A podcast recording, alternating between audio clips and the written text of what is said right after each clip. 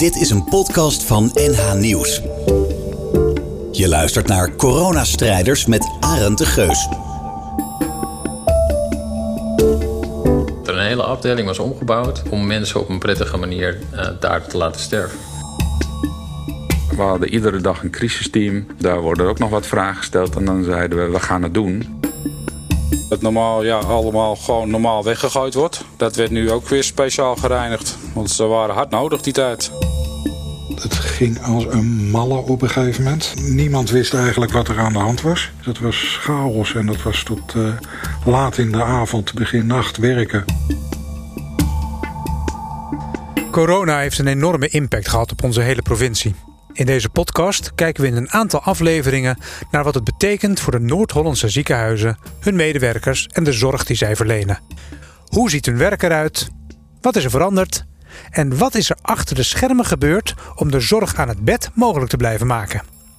Daarover spreek ik met verschillende professionals. Ik ben Guido Sonneveld, ben Chief Information Officer in het Bovenijs ziekenhuis in Amsterdam. In verschillende functies. Mijn naam is Niels, Niels Wezenberg, hoofdlogistiek, Noordwest Ziekenhuisgroep in uh, Alkmaar. Op verschillende afdelingen. Mijn naam is Victor van Bokkel. Ik ben senior logistiek aandachtsgebied automatisch bevoorraden van Tergooi ziekenhuis, locatie Hilversum en locatie Blaricum. Uit verschillende ziekenhuizen. Mijn naam is Menno Houtmeijer. Ik ben senior logistiek medewerker voor het Dijklanden ziekenhuis Purmerend en Hoorn. In verschillende delen van Noord-Holland.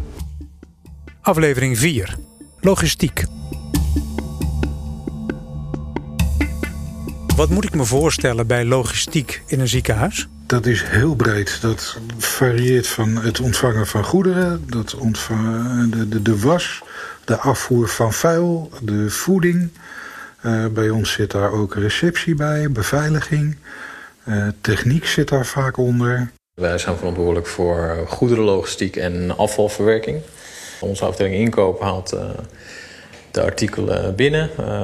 Het gaat om niet-steriele of steriele producten, medische hulpmiddelen. Wij ontvangen ze, leggen ze wel of niet op voorraad... en sturen ze vervolgens door naar de afdeling waar dat, uh, waar dat gebruikt wordt. Wij scannen afdelingen en die gaan we diezelfde dag nog bevoorraden... met uh, artikelen die ze nodig hebben. Spuitjes, alle steriele artikelen, ja, gewone magazijnartikelen... eten voor de patiënt, drankjes zoals appelsap, sinaasappelsap, et cetera. Echt alles wat nodig is om de zorg te kunnen bieden op dagversproducten en medicatie na. Je bent heel erg met de, de klanten bezig. En probeert het zo goed mogelijk voor hun te doen en ze te ontlasten met de zaken die voor hun niet van belang zijn. En nog wel belangrijk voor het proces. De afvalstroom is natuurlijk ook een uh, heel belangrijk onderdeel. Uh, ook echt aan bod geweest tijdens de COVID-periode. En dan moet je denken aan um, nou, specifiek ziekenhuisafval en niet specifiek ziekenhuisafval. We hebben nog uh, gevaarlijke afvalstromen. Wij halen het intern op. Dat gaan regelen onze interne logistiek medewerkers. En um, vervolgens werken we samen met een afvalverwerker om dat uh, uiteindelijk op de juiste manier weer uh, te verwerken. Maar waar ik vooral voor verantwoordelijk ben, is de digitale logistiek. Dus de logistiek van de informatie. Bijvoorbeeld dat er uh, aanvragen van uh, patiënten binnenkomen vanuit de huisarts. Of dat er uitslagen vanuit het ziekenhuis uh, naar buiten gaan. Dus naar andere ziekenhuizen of naar patiënten toe. Of weer terug naar de huisarts. Dat is een digitale logistiek die ja, zeer belangrijk is voor de ziekenhuiszorg. En hoe zag voordat corona er was jouw werk eruit? Voordat corona kwam was ik bezig met afdelingen te overleggen over wat zij nodig hadden om hun proces goed te kunnen uitvoeren.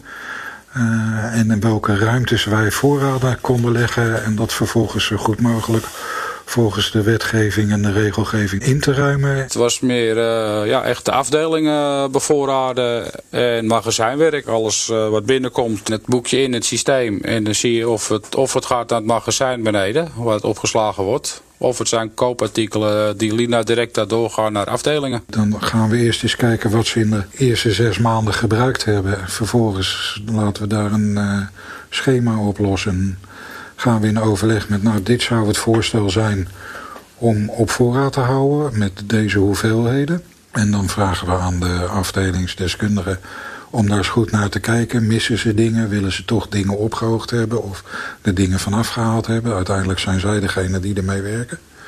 En dan krijgen we een uh, plaatje terug... wat vervolgens uh, omgezet moet worden naar kasten.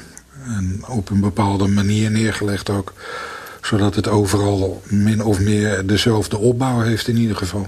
Wat is er mogelijk om dat beter te krijgen en beter aan te laten sluiten bij de behoeftes die er uh, bij de zorgverleners zijn en bij de patiënten zijn.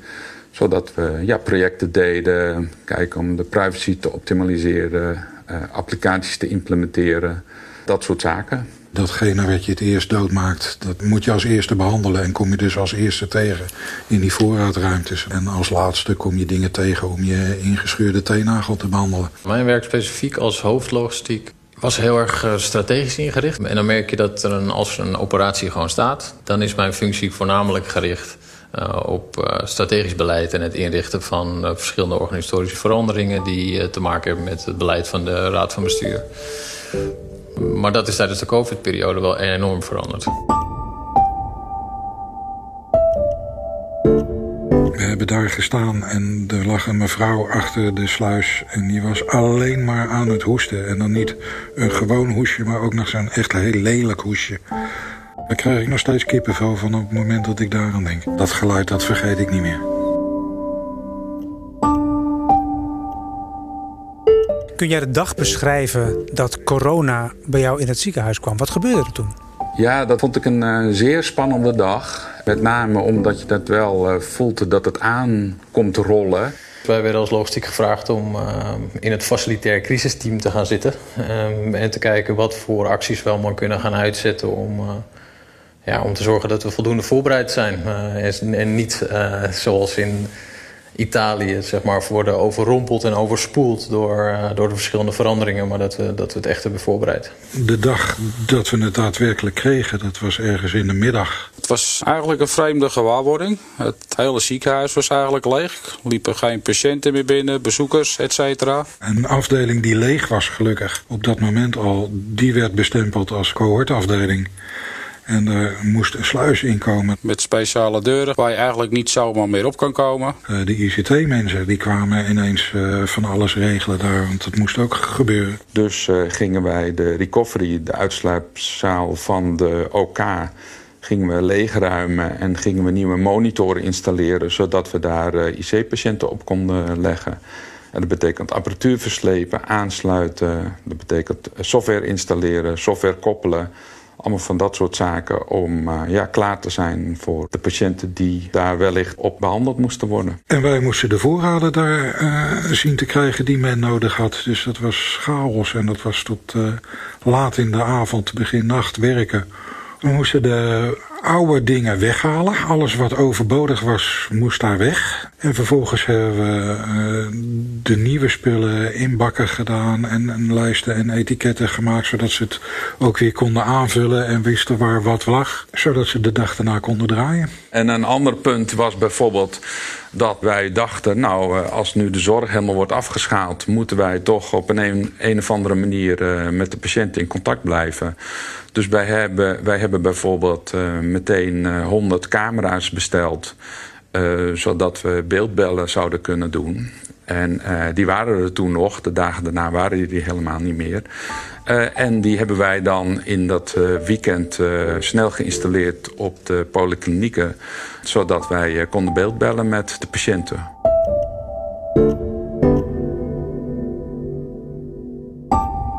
Dat er een oudere dame lag op de IC. En de IC-ramen die komen bij ons op de achterkant van het ziekenhuis uit. Waar normaal eigenlijk geen bezoekers komen. Toen is mij gevraagd of ik het hek wil opengooien. Dat de familie, die is met spandoeken buiten gaan staan... om de desbetreffende dame even een hart onder de riem te steken. En dat heeft eigenlijk wel indruk gemaakt. Want dan ga je wel beseffen van de familie... kan de patiënten niet zien die COVID hebben. En dat heeft bij mij wel een indruk achtergelaten.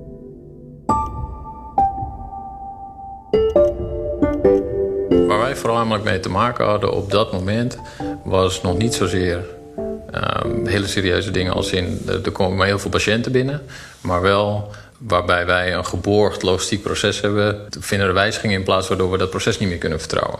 Dus waarbij we uh, voorheen veel meer lange termijn denken. Dus ook een voorraadhorizon hadden van zo'n nou, drie, vier, vijf weken. Uh, moesten we nu sneller gaan schakelen. Want we hadden nog maar een voorraadhorizon van nou, maximaal een week. En dat waren we totaal niet gewend. Dus daar moesten we echt uh, dan, dan ver, verkleint je beeld en, en ben je alleen maar aan het kijken naar... jongens, hoe kunnen we samen zorgen dat het volgende week er is... in plaats van hoe kunnen we het systeem zo wijzigen... dat, uh, dat we op veel grotere veranderingen anticiperen. We werden geconfronteerd als magazijn met tekorten. Want het, het, ging als een malle op een gegeven moment. Niemand wist eigenlijk wat er aan de hand was. Dus ja, uh, overals en, en, en, en, mondmaskers en mutsen, dat vloog op een gegeven moment de deur uit. Die waren erg schaars op dat moment. Dus we hebben eigenlijk vanaf uh, logistiek een klein beetje controle opgehouden. Om dat zo gelijkmatig over afdelingen te kunnen verdelen. We kregen ook palletvrachten met het een en ander binnen. Uh, het enige was alleen, vandaag hadden we maatje X. Uh, en dat was de volgende dag weer vervangen door maatje L. Want maatje X was niet meer te krijgen.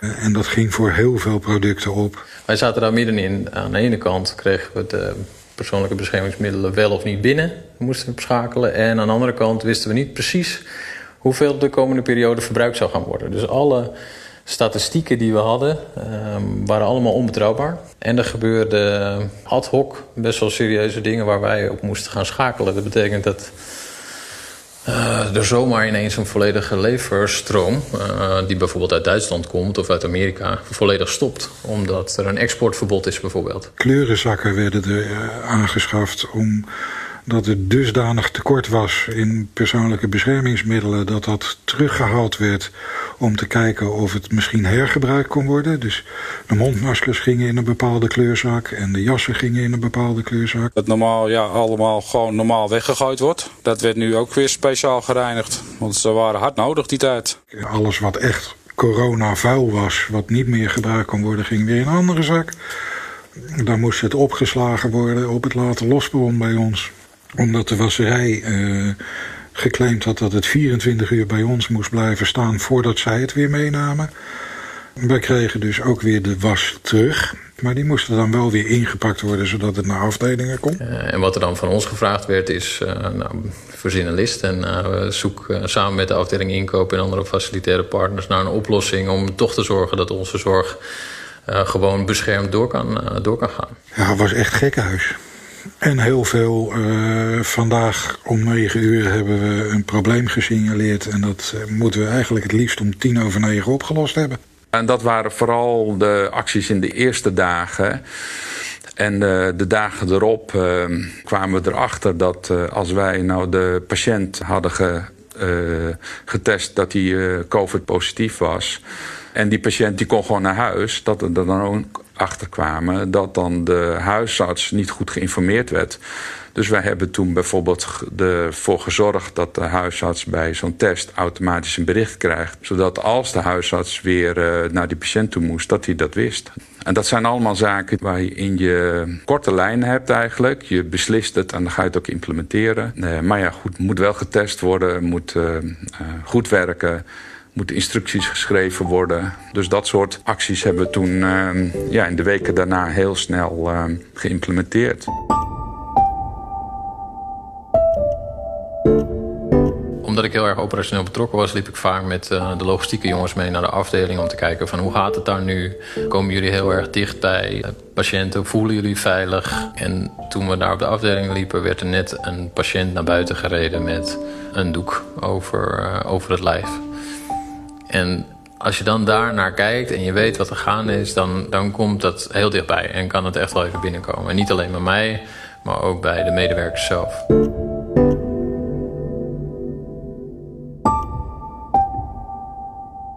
En dat zijn heel veel veranderingen geweest. Is daar iets in, en wat is dat dan, dat, dat jou het meest heeft overvallen?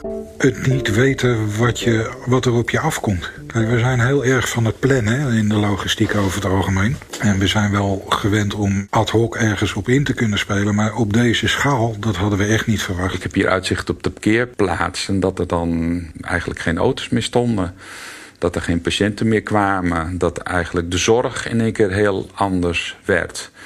Waarbij je dus ook moet gaan nadenken over digitale zorg. En hoe gaan we dat aanpakken en hoe kunnen we dat beter inrichten. Het begon bij één cohortafdeling en vervolgens was de IC-capaciteit bij ons te klein.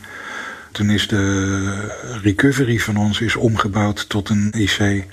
Ruimte achter de IC bij ons is omgebouwd tot ook weer een IC. En dat moest allemaal materialen hebben. We hebben lopen slepen met kasten. We hebben lopen slepen met manden om de spullen weer in te doen.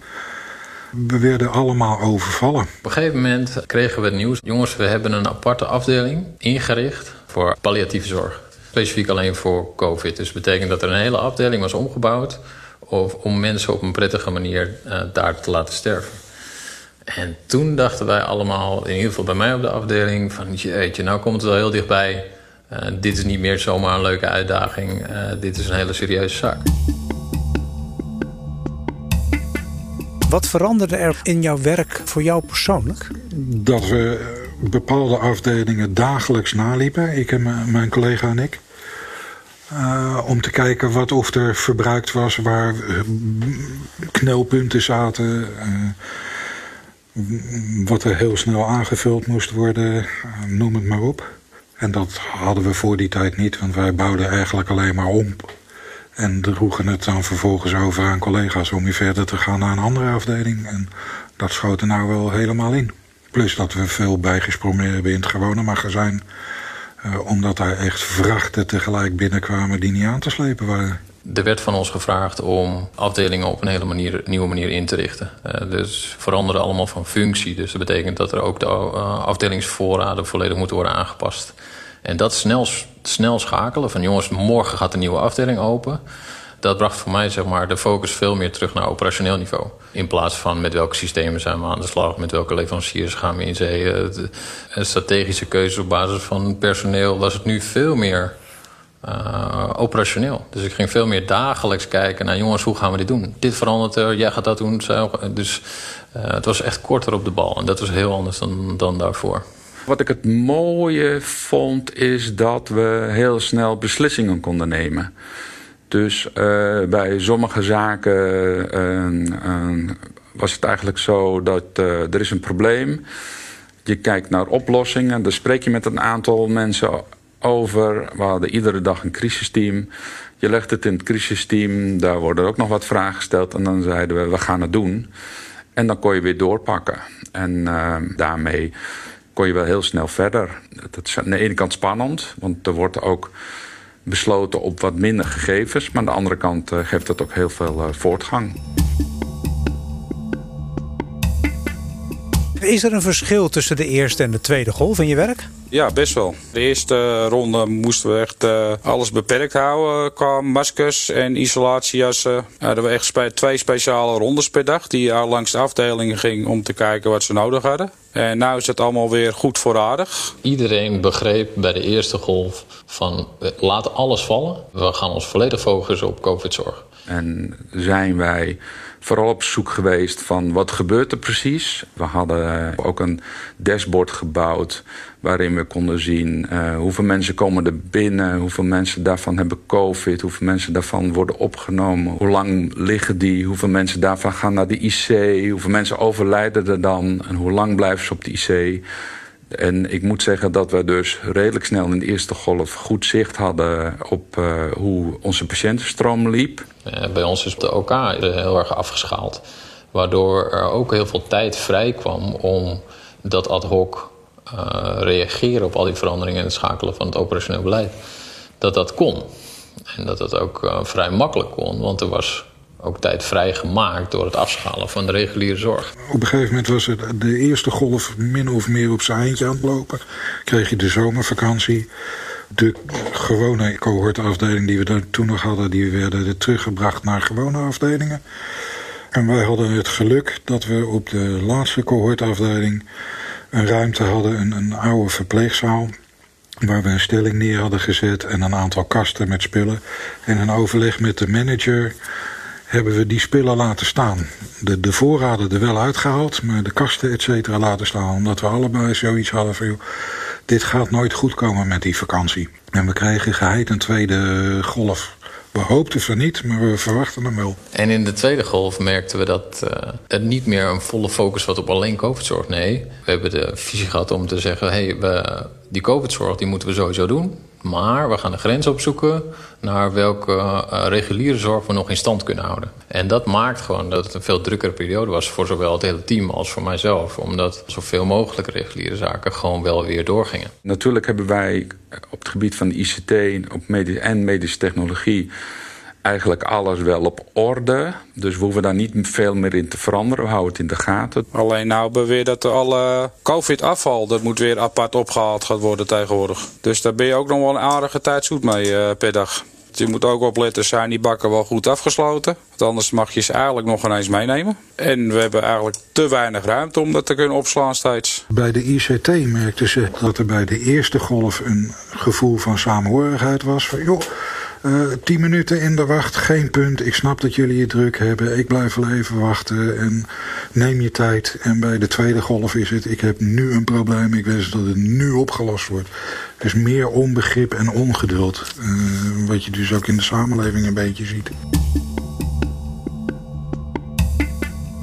Wordt jouw werk ooit weer als voor corona?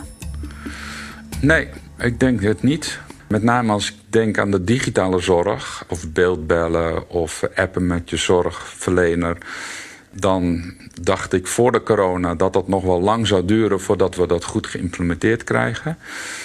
En ik zie dat er nu heel veel gebruik van wordt gemaakt dat had ik voor de COVID nooit gedacht. En dat gaat ook niet meer terug, of niet meer volledig terug. Ik hoop dat het vaccin gaat aanslaan en dan zijn mijn verwachtingen wel positief, ja. Ik denk wel weer dat er een stabilisatie plaatsvindt. Dat betekent dat we altijd weer teruggaan naar een soort nieuwe normaal. Maar die nieuwe normaal zal echt wel uh, afwijken van wat we ervoor kennen. Met griep hebben we uiteindelijk ook leren omgaan, dus waarschijnlijk eh, gaan we hier ook wel mee om. Helemaal weggaan zal het waarschijnlijk nooit. Als we ervan uitgaan dat we corona op een gegeven moment onder de duim hebben. Zijn er dan dingen blijvend veranderd in jouw werk? Ja, als je specifiek corona zou nemen, dan zou ik misschien wel zeggen ehm, van niet. Want eigenlijk zijn wij continu bezig met verandering, continue verbetering, automatisering, verder kijken naar morgen. En dat zal blijven. En dat zal ook weer helemaal terugkomen. Ja, als het onder de duim is, denk ik niet. Ik denk dat we dan weer gewoon als vroeger uh, weer ons werk kunnen gaan doen. Dan hebben we eigenlijk gewoon weer het magazijnwerk en bevoorradingen. Wat ik wel heb is dat zoals de cohortafdeling, als die opgeheven wordt... dan gaan de materialen straks terug en de, de, de bakken, et cetera. Ik ga die niet helemaal uit elkaar halen. De, de, de artikelen gaan wel weer de voorraad in... Maar de bakken en de lijsten, et cetera, die hou ik gewoon apart voor het geval dat er weer een piek gaat komen, dat we daar heel snel op in kunnen spelen. Dus in zoverre verandert er iets dat we wat meer vooruit denken en rekening houden met. We moeten goed kijken naar ketenintegratie. We moeten goed kijken naar met welke leveranciers ga je, ga je in zee en hoe borg je samen dat als er zoiets gebeurt als dit, dat we dan gedekt zijn. Ik denk dat de grootste verandering nu is dat veel artsen en ook patiënten nu ook zien dat het handig is om, om op een digitale manier uh, te werken. En ik denk dat wij uh, nu nog niet kunnen bedenken hoe wij straks op een hele andere manier de, de zorg gaan verlenen. Die deels heel normaal digitaal wordt met apps, met beeldbellen, met appen met je zorgverlener. En, en sterker nog, dat er misschien wel geen zorgverlener achter zit, maar een stukje artificial intelligence die een antwoord geeft. En dat soort zaken. Ik denk dat wij zeker in de zorg, misschien wel in het stenen tijdperk leven, digitaal gezien. En dat er veel meer mogelijk is. En uh, ja, we gaan wel echt die kant op.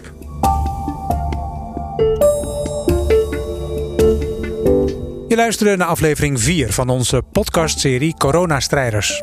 Met voor deze aflevering dank aan het Tergooi ziekenhuis, Dijklander ziekenhuis, de Noordwest ziekenhuisgroep en het Bovenij ziekenhuis. Maar vooral aan hun medewerkers Victor, Menno, Niels en Guido voor het delen van hun ervaringen.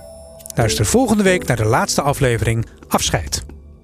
Vond je deze aflevering mooi? Luister dan ook naar de andere afleveringen. Je vindt ze op nhnieuws.nl slash coronastrijders of op het podcastplatform van jouw voorkeur. En als je wilt dat andere mensen hem goed kunnen vinden, laat dan een recensie achter. Dat maakt het makkelijker voor ze. Coronastrijders is een serie van NH Nieuws. Abonneer je op deze podcast, dan krijg je vanzelf de nieuwe afleveringen. Teruglezen over de coronastrijders? Kijk dan op nhnieuws.nl/slash coronastrijders.